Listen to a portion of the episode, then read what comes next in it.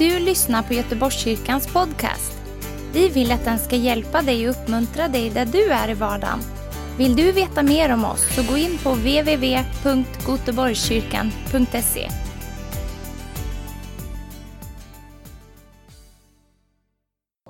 Romarbrevet 12, vers 9-16. I princip hur man praktiserar sin tro, mer eller mindre, är vad det handlar om. Och vi är ju i en period där vi går igenom Romarbrevet. Och Maria för två veckor sedan inledde Romarbrevet kapitel 12 med vers 1 till eh, 6 har jag för mig. Och sen nu är vi på vers 9. Vi kommer ta eh, vers eh, 6 till 8 vid ett annat tillfälle. Men jag vill inleda med att läsa Efesierbrevet 2, vers 19. Och där står det, alltså är ni inte längre gäster och främlingar utan medborgare tillsammans med det heliga och tillhör Guds familj. Så Romarbrevet 12 eh, och vers 9 och 16 handlar ju om hur vi praktiserar vår tro. Men för att vi ska börja tänka på att praktisera vår tro så måste vi förstå varför vi gör som vi gör. Varför praktiserar vi vår tro? Och när jag växte upp så hade vi en viss typ av kultur. Och då gjorde vi saker på ett visst sätt, vi agerade på ett visst sätt, vi pratade på ett visst sätt. Men när jag blev frälst, tog emot Jesus, så märkte jag att någonting hände på min insida. Att jag höll på med samma saker som jag gjorde förut, men någonting i mig sa bara, det här stämmer inte. Någonting i mig började förändras, någonting i mig sa att men det är inte så här du ska göra längre Said. Det är inte så här du ska prata, det är inte så här du ska agera. Så jag märkte att det var något, någonting som började hända i mitt inre, i mitt hjärta. Och nu efter några år så förstår jag varför. För att Guds rike, det kommer också med en kultur. Det kommer med Guds rikes kultur. Och eftersom jag har ett medborgarskap i det himmelska så innebär det också att jag ska också agera utifrån den kulturen som jag kommer ifrån. Så att vi har ganska många nationaliteter här, här inne just nu. Och vi kommer med en kultur. Ditt hem, din familj, där du kommer ifrån, ditt land. Men oavsett detta, när du tar emot Jesus så kommer en ny kultur. Det är ett nytt sätt att tänka, ett nytt sätt att vara och att agera. Som inte är från den kulturen eller den platsen som du brukar vara. Så att jag märkte ganska tidigt att människor runt omkring mig eh, ganska i ett tidigt stadie av min tro började märka och tycka att Sai, du är annorlunda. Du gör saker på ett annat sätt. Du beter dig också på ett skumt vis, sa de. Jag tror det är många här inne och där hemma som har fått kanske uppleva det att folk säger varför gör du så här? Du, du har ju förändrats. Men det är bra. Det är en bra förändring, det är en positiv förändring, det är en förändring som är bra. Men inte bara kulturen, det är också dina tankar, det är också hur du agerar. Så att någonting börjar ju hända här inne också. Du börjar se saker på ett annat sätt. Och när du ser på ett, på ett annat sätt så brukar det också vara att du går emot det som kanske var förut. Så att jag har en tendens att liksom vara ganska snabb i, i mun och bara nej, så här ska vi inte göra. Nej, det där var fel. Och det kanske inte är det smartaste. Men jag tränar på att liksom inte vara så snabb på att säga saker. De som vet, de vet. Eh, men jag märker också att när jag ändå säger det så sker det någonting i rummet. Någonting förändras. Och det kanske känns lite som en, så här att det är två världar som krockas. Men det är bra, för då får de möta någonting annat. De får möta min nya kultur. Och det är bra, och vi behöver det här. Vi behöver vara personer som kommer och skiftar med saker i en kultur, i en miljö, så det behövs skiftas. Och det är mycket det det handlar om i Romarbrevet kapitel 12 och vers 9 till 16. För där har du en, mål, en grupp av människor som är i en situation där först och främst så är de förföljda. Det är hårt, det är, tiderna är tuffa för dem just där och då. Du har judarna som blivit jagade. Och nu har judarna blivit jagade ut ifrån Rom i princip. Och sen så nu börjar kristendomen blomstra och växa i den platsen. Men det kanske inte många, vissa av er känner till kejsaren Nero. Och om du känner till honom så vet du också att han är en av de som förföljde de kristna väldigt tidigt och såg till att många gick bort och dog. Och han var den personen som var kejsare då. Så att den här församlingen, Romarbrevet som Paulus skriver till, är en församling som de är pressade. De är förföljda. Judarna har blivit förföljda. Så att nu när jag läser dessa verser och när vi går igenom de här verserna så har det i bakgrunden att de är under press. Och Paulus skriver till dem utifrån att så här ska du agera under press. Och jag vet inte, jag har inte blivit följd på det sättet. Jag kanske folk har hånat mig och retat mig och så för min tro. Och det är liksom, jag bara, jag bara skakar av det. Det är ingenting för mig. Men det här är en förföljelse där liksom de får fly från sitt land där de bor. De får lämna sina hem. Och, så det är ändå, det, det här är förföljelse. Eh, och vers 9 så står det, älska varandra uppriktigt, avsky det onda, håll fast vid det goda. Och älska är ordet agape här, och det är Guds kärlek genom det förnyande sinnet som vi först tar emot Guds kärlek och sen uppenbarelsen om Guds godhet. Så när vi älskar varandra så är det den här överflödande kärleken som finns i oss för att vi är nya skapelser i vår tro, i Kristus. Men för att det ska gå vidare så måste vi först ta emot det. Och för att ta emot det så måste vi vara i honom och vara med honom och umgås med Jesus. Och utifrån det så flödar det, så kommer det ut. Och det står hålla fast där är ordet, nu är det grekiska här, kolohau, jag förstör ordet nu här. Men det betyder att man ska limma sig fast vid. Så det står att du och jag ska limma oss fast vid det goda. Vi ska hålla oss nära det som är gott. Och så står det att vi ska avsky det onda. Och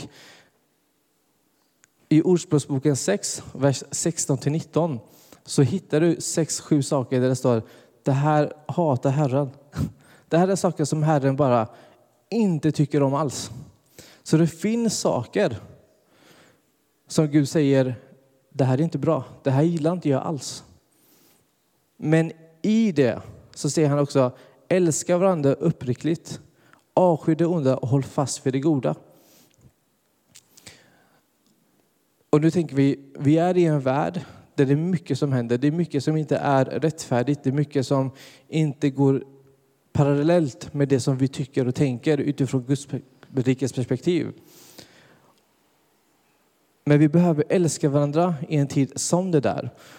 Och i en församling och bland människor så kommer vi få höra saker som vi kanske inte riktigt håller med om. Och vi tycker det är tufft, men vi behöver älska varandra igenom det. Och vi behöver hålla fast vid det som är gott. Och i vers 10 och 11 så står det, var innerligt tillgivna varandra i syskonkärlek. Överträffa varandra i ömsesidig aktning. Var inte tröga när det gäller iver. Var brinnande i anden. Tjäna Herren, står det. Var innerligt tillgivna varandra i syskonkärlek. Det börjar med att vara engagerad familjemedlem. Så när vi har den här nya kulturen, när vi liksom är medborgare så är vi också plötsligt en familj. Och det här handlar om att vara en engagerad familjemedlem. Jag ser många som är barnfamiljer och de har småttingar hemma. Och jag förstår att de inte kan hjälpa till med mycket, för de är små, de vet inte. Och vi har varit i en period där vi också har varit andliga barn. Men när vi växer upp och mognar till i vår tro så behöver vi vara engagerade. Vi behöver hjälpa till i familjen. Vi behöver steppa upp. Vi kan inte stå bakom kulisserna eller sätta oss ner i parkbänken och bara vänta och låta andra göra det. Utan vi måste vara tillsammans, måste vi hjälpa varandra. Tillsammans ska vi innerligt visa varandra syskonkärlek. Och jag vill också varna för andlig lathet.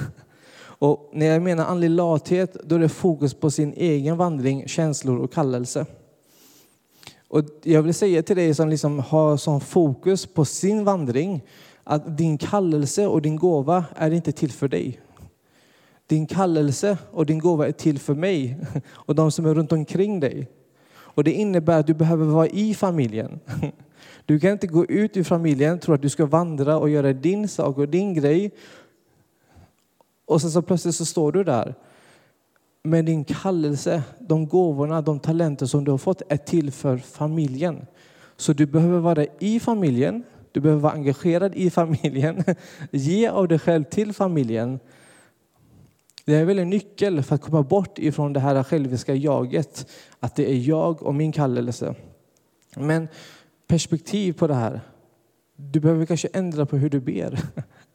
Hur kan jag tjäna de som är i mitt närområde, i min församling med de talenter och gåvor jag har fått? Hur kan jag hjälpa min familj med det som jag är bra på? Filipperbrevet 2 och vers 2-5 så står det så här. Gör då min glädje fullkomlig genom att ha samma sinneslag och samma kärlek och genom att vara ett i själ och sinne. Var inte självupptagna och stolta. Var istället ödmjuka och sätt andra högre än er själva. Se inte på ert eget bästa utan tänk på andras. Var så till sinnes som Kristus och Jesus var. Vi, du och jag är här för att bli mer lika Kristus. Du och jag ska efterlikna Kristus i både ord och handling. Om Jesus gjorde det här, då ska du och jag göra det här. Väldigt enkel matematik. Om Jesus gör någonting, gör så också. Väldigt enkelt. Men det står någonting här, det står samma sinneslag och samma kärlek. Det är samma sinne. Vi ska ha det här med kulturen igen. Det här är det nya tänket. Att du och jag är nya medborgare i ett nytt rike. Där då så tänker vi på samma sätt och vi agerar på samma sätt. Men det kanske är svårt att göra det. Men vi behöver välja det. Vi behöver säga att jag vill vara engagerad. Jag vill vara med. Jag vill ge av det jag har fått. Och i kapitel 12 så, vi, så är det tre ord som liksom förklarar om hur vi kan tjäna Herren. Och i början av kapitel 12 så finns ett ord som heter lautreo på grekiska. Och det handlar om vördnadsfull gudstjänst. Att vi tjänar Gud genom att offra oss själva till honom. Det är första sättet, Romarbrevet 12 förklarar hur kan vi tjäna varandra är genom att först ge sig själv till Gud. Att lägga ner sitt eget inför Gud är första steget till att jag ska tjäna dig och att du ska tjäna mig. Att du själv går först inför Gud. Sen är det diakonio, och det är det praktiskt tjänande. Så det är inte bara andliga sånger och hymner. Vi ska inte bara profetera över varandra och så sjunga över varandra. Men det är också praktiskt hjälpa till. Vi har en minibuss i den här församlingen. Den har varit med allt. Jag såg den igår. snart så, snart så, så kommer vi behöva skrota den tror jag. Det är väldigt nära. Men med den minibussen så har vi kunnat hjälpa så många människor med flytt och jag vet inte vad, med allt möjligt. Vi har bara kunnat hjälpa folk och stå vid folk när det behövs med en sån enkel bil. Den bara rullar till plats A, vi lyfter på grejer, vi lägger in grejer, och sen går vi till plats B, vi tömmer. Det är så enkelt. Och det är det praktiska, att gå hem till någon, att bara, det ser inte fräscht ut, okej men då städar jag hemma hos dig. Ja, men jag orkar inte laga mat, ja, men då gör jag några matlådor åt dig. praktiskt kännande i familjen. Men man måste välja det. För grejen är så här att du kanske inte heller mår så bra där och då. Men du måste välja det. Du har inte tid att sitta i soffan och bara vänta på att någon ska komma och rädda dig. Utan räddar du någon annan. Tjänar du någon. Och sen har du sista ordet här som jag tycker är svårt. Och det är, nu förstör jag det här ordet, men det är doleo. Men det är slaveriets tjänst. Och jag tänker, va? Vad menar de med det? Ska vi tjäna varandra och, ha, och vara så slavar för varandra? Ja. Vi ska ge upp oss själva. Vi ska ge varandra till varandra. Vi ska ge oss till varandra. Det är det det handlar om. Vi ska ödmjuka oss inför varandra och tjäna varandra. Och det handlar inte om att bli utnyttjad. Det är inte det det handlar om. Det handlar inte om att jag ska liksom göra allting för att behaga alla. Det är inte det det handlar om. Vi måste sätta gränser. Men det är någonting med din inställning att göra. Det har med din inställning att göra. Att du är tillgänglig och att du gör dig tillgänglig för att tjäna. Det är det det handlar om. Gör dig tillgänglig. Och sen står det också i vers 11 att vi ska vara brinnande i anden. Och att vara brinnande i anden betyder också att ha en levande relation med den helige ande. Folk ber liksom bara, jag vill ha en brinnande relation med dig helige ande. Jag vill att den ska vara brinnande, det ska vara liksom... Men ta tid med den helige ande. Ta då tid med den helige ande. Då kommer du ha ett brinnande hjärta.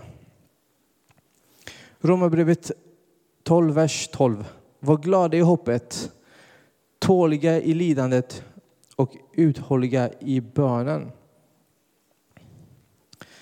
Var glada i hoppet, tåliga i lidandet och uthålliga i bönen.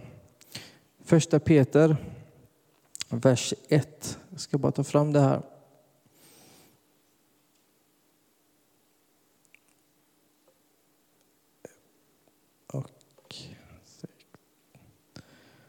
Var därför glada, även ni nu en lite till måste utstå olika prövningar. Äktheten i er tro är långt mer värd än guld som är förgängligt men ändå prövas i eld. På samma sätt prövas er tro för att sedan bli till lov, pris och ära när Jesus Kristus uppenbarar sig. När jag läste de här verserna första gången för många, många år sedan det enda jag kunde se var att prövas i eld. När jag läste de verserna så var det enda jag kunde se var jag ska prövas i eld. Det var det enda jag kunde se. Jag bara, åh nej, det här kommer göra ont på insidan. Men det är... Men lyssna här. Det står också på samma sätt prövas i tro för att sedan bli till lov pris och ära när Jesus Kristus uppenbarar sig. I lidandet, i svårigheterna, så är det som att vi är i elden. Och det gör ont. Men vad leder det till? Vad leder det till? Det leder till lov, det leder till pris och ära när Jesus Kristus uppenbarar sig. Jag vet inte hur det är med dig, men när jag går igenom faser i mitt liv som inte är bra, då uppenbarar sig Jesus sig för mig på ett nytt sätt. Bilden av Jesus blir större, den blir bättre, den blir klarare. Och det är en procedur av lidandet. Men när man går igenom saker så behöver du också söka dig till Jesus. För att annars förblir du i elden och det gör ont.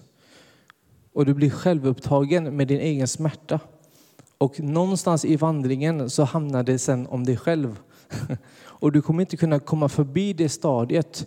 För att då blir det mer att du vill att folk ska komma och söka dig. Men som jag sa innan, i vandringen, i svårigheterna så är det bättre att hjälpa någon annan och tjäna någon annan.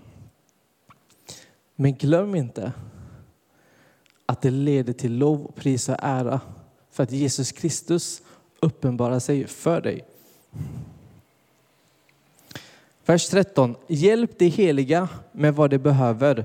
Var ivriga, alltså brinnande, att visa gästfrihet, kärlek till människor, inte bara till eh, de heliga som är du och jag. I Apostlagärningarna 20.35 så står det Ge inte för att ta emot. Det är ganska självklart. Vi ska inte ge för att vi ska få, utan vi ger. Saltaren 51, 16 och 17. Sann givande är inte ett skuldoffer. Är det så att du känner att det här är tufft för dig, att göra saker praktiskt, att tjäna någon, och du känner den här klumpen, det här är för mycket för mig, avstå från det. Avstår från att hjälpa. Jag har varit i situationer där jag känner bara, jag har den här klumpen, jag orkar inte, jag vill inte. Gud, jag ger upp. Men senare så frågar jag mig själv, varför känner du så Said? Varför är du inte ivrig att tjäna? Varför är du inte villig att gå in och tjäna? Resultatet blir att jag går in för Gud, som är underbart. Man går till Gud. Jag mår bra då. Men i den proceduren när jag liksom frågar mig själv och pekar fingret på mig själv och säger varför känner jag som jag känner? Varför har jag den här klumpen? Och någonstans i det här så blir det att för mig själv personligen så var jag kanske var rädd för att bli trött. Jag kanske var rädd för att bli utnyttjad. Jag vet inte hur det är med er där hemma eller ni som är på plats. När man ger av sig själv till någon så mycket, man blir ju trött förr eller senare. Men då handlar det också om att vara vis i hur man hjälper människor och hur man möter människor i sin vardag. Om det finns personer som gör samma misstag om och om och om igen, då kanske inte det är den typen av hjälp som du gör som är hjälpsam. Du kanske behöver hjälpa den personen på ett annat sätt. Och du behöver fråga Gud, hur kan jag hjälpa den här personen nu? Gör inte ditt givande till en show. Det är ganska självklart. Vi ska inte stå här framme och liksom ropa, ja, jag gav så här mycket, jag gjorde så här. Det är ganska enkelt. Gör inte det. Det ser inte snyggt ut. Det är inte, det är inte bra. Men i Andra Samuelsboken 24-24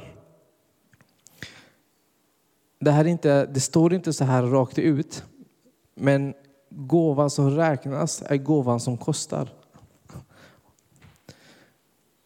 Jesus på korset, det kostar. Det kostade Jesus mycket. Det var kostsamt för honom att ta det steget, bära sitt kors, bli spikad, bli slagen, bli hånad, det kostade honom. Men att vara tillgänglig och tjäna kommer kosta ibland. Och du vet den här klumpen i magen, ibland måste vi köra över den. Men kör inte över den på det sättet att du inte tar den med Gud. Vad gjorde Jesus natten innan? Han skulle bli smädad och hånad. Han var inför Fadern. Alltså det rann blod från Jesus panna. Den ångesten bar han på. Men han gick till Gud med det. Han gick in för honom med det. Och vi behöver lära oss av det. Att ibland kostar det. Ibland gör det ont. Men gå in för Gud med det och låt honom reda ut det åt dig. Och sann givande har också med rätt inställning att göra. Andra Korinthierbrevet 9.7. Din inställning, hur du möter saker. Antingen tänker du, jag ger dem min tid, ah, nu är jag trött. Men den personen blir välsignad. Den mår jättebra nu. Du kanske ger av din ekonomi och då bara, nu kan jag inte köpa det. Men den personen som fick, den har det väldigt bra nu. Den är välsignad.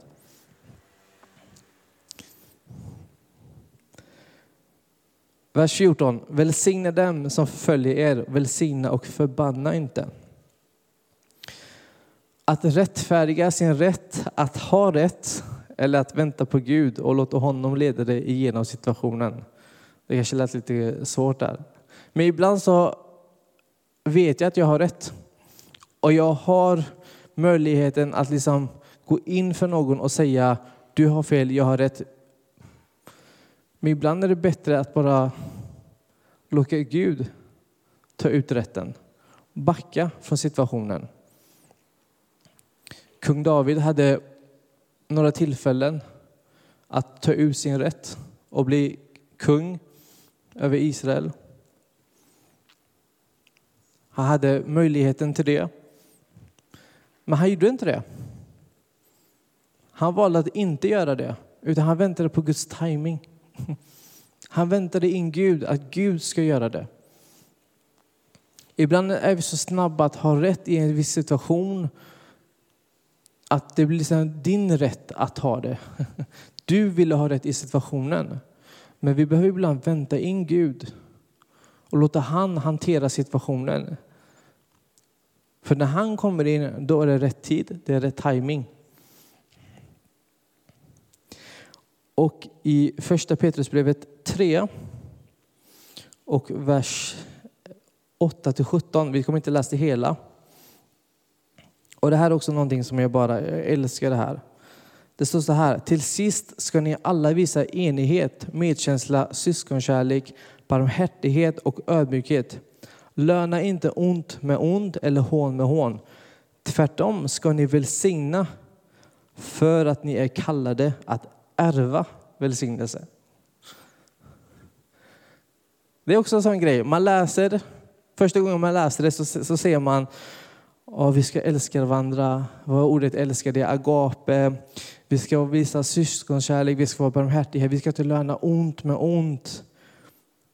Vi ska välsigna. Men här är någonting som vi ofta missar. Vi är kallade att ärva välsignelser. Har ni tänkt på det? Att medan någon hånar dig, någon förföljer dig, någon gör narr av dig och sen så välsignar du den personen så blir du välsignad. Du är kallad att få välsignelser över ditt liv. Och genom det du också ska välsigna människor runt omkring dig. Du ska be över dem. Men du är kallad att ta emot välsignelser. Och det är så svårt att förstå det ibland.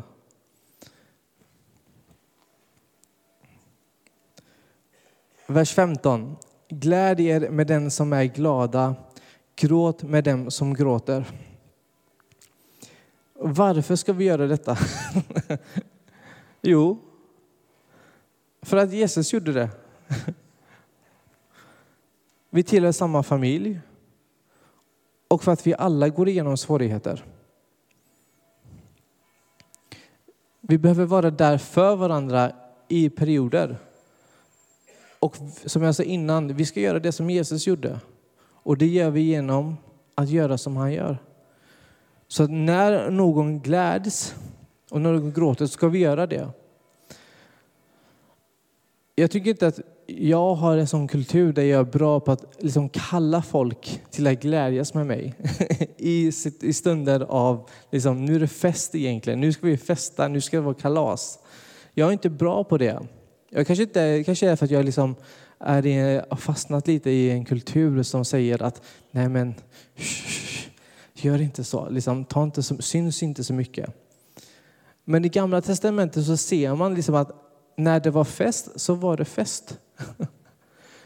Det var, liksom, det var en, en lamm, de liksom tog in ett lamm. De liksom grillade lammet. De gjorde, och grejen var så här att de bjöd in alla människor. Alla som var i närområdet fick komma och äta av maten. Det fanns en grej dock. Man fick inte lämna mat till nästa dag. Maten var tvungen att ta slut samma dag. Samma kväll. Det är ganska mycket mat. Det är ganska många människor du behöver bjuda in. Jag vill gärna spara en två matlådor till jobbet nästa dag. Det är kanske är ganska typ- typiskt att man vill göra det.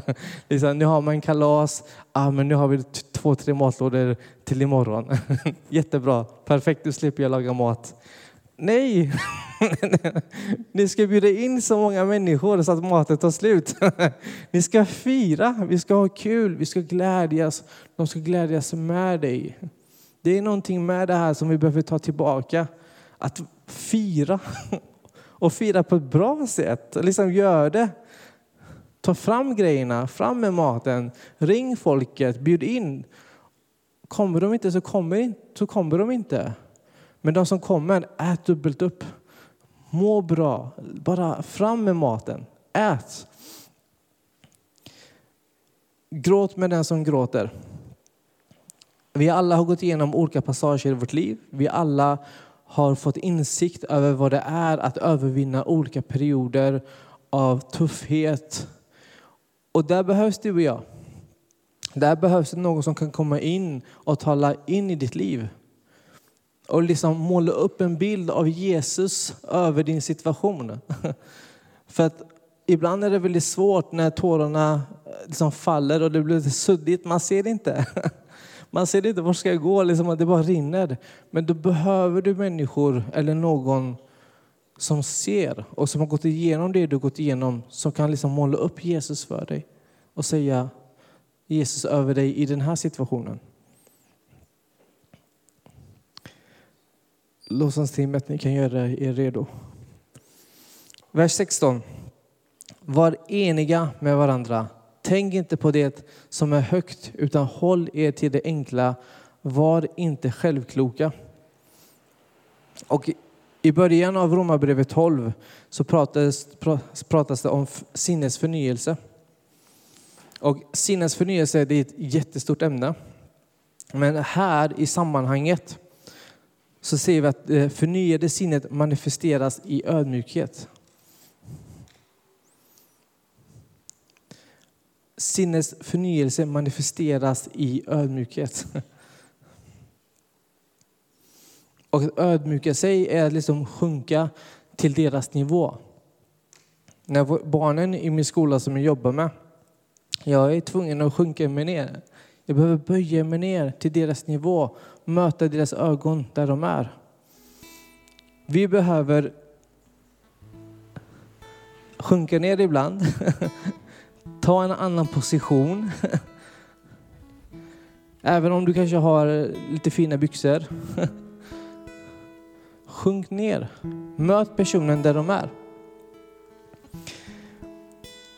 Likasinnade, identifiera dig med andra känslor och behov och tala in i deras liv för att möta deras behov. Lite av det som jag sa innan.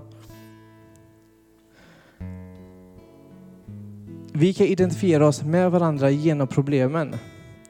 Men vi ska inte då klappa bara varandra i ryggen och säga såja, såja, såja. Utan vi måste tala in också in i situationen. Vi behöver bli bättre på det. Personligen tycker jag. Vi kan be snälla böner om liksom personen svarar Gud hjälp dem, led dem, öppna deras, hela dem och så vidare. Men vi behöver också tala in i situationer. Vi behöver bryta med saker. Vi måste lyfta av det som är, det som de bär på. Vi måste liksom attackera det. Det får inte liksom ta dem. Vi behöver liksom våga tala in i folks liv och bara proklamera saker. För allt det som de går igenom är inte bara utifrån. Det kan vara saker som du själv har orsakat. Det kan kännas att de är fast i någon form av liksom spiral. De bara springer runt och runt och runt igen i samma saker om och om och om igen. Då behöver vi tala in. Och du behöver vara frimodig i detta. Du behöver våga ta det här steget och bara proklamera saker. Det kanske är lite tufft för personen som går igenom saker. Men det är därför jag ser att det förnyade sinnet manifesteras i ödmjukhet. För när vi proklamerar och talar in saker i folks liv, då gör vi det också med kärlek. Och det ska vara liksom nåd över det vi säger. Det ska vara kärleksfullt. Det ska vara upplyftande. Men det måste vara rättfärdigt. Det måste ibland också bryta igenom med saker. Och ödmjukhet är en del av visdom. Att vara ödmjuk, att hantera saker på rätt sätt är visdom.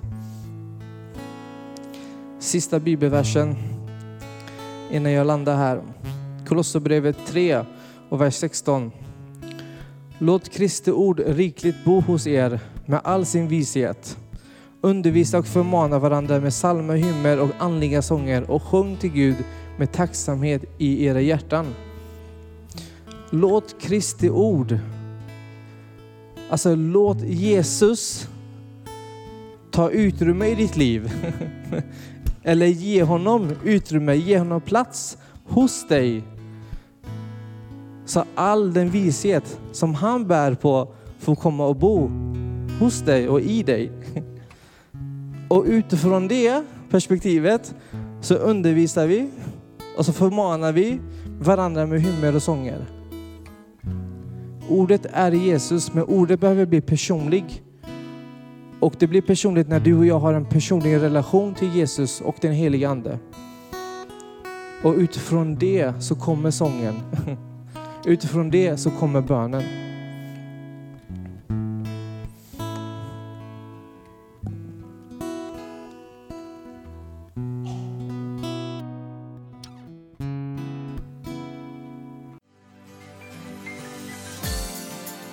Att du har lyssnat.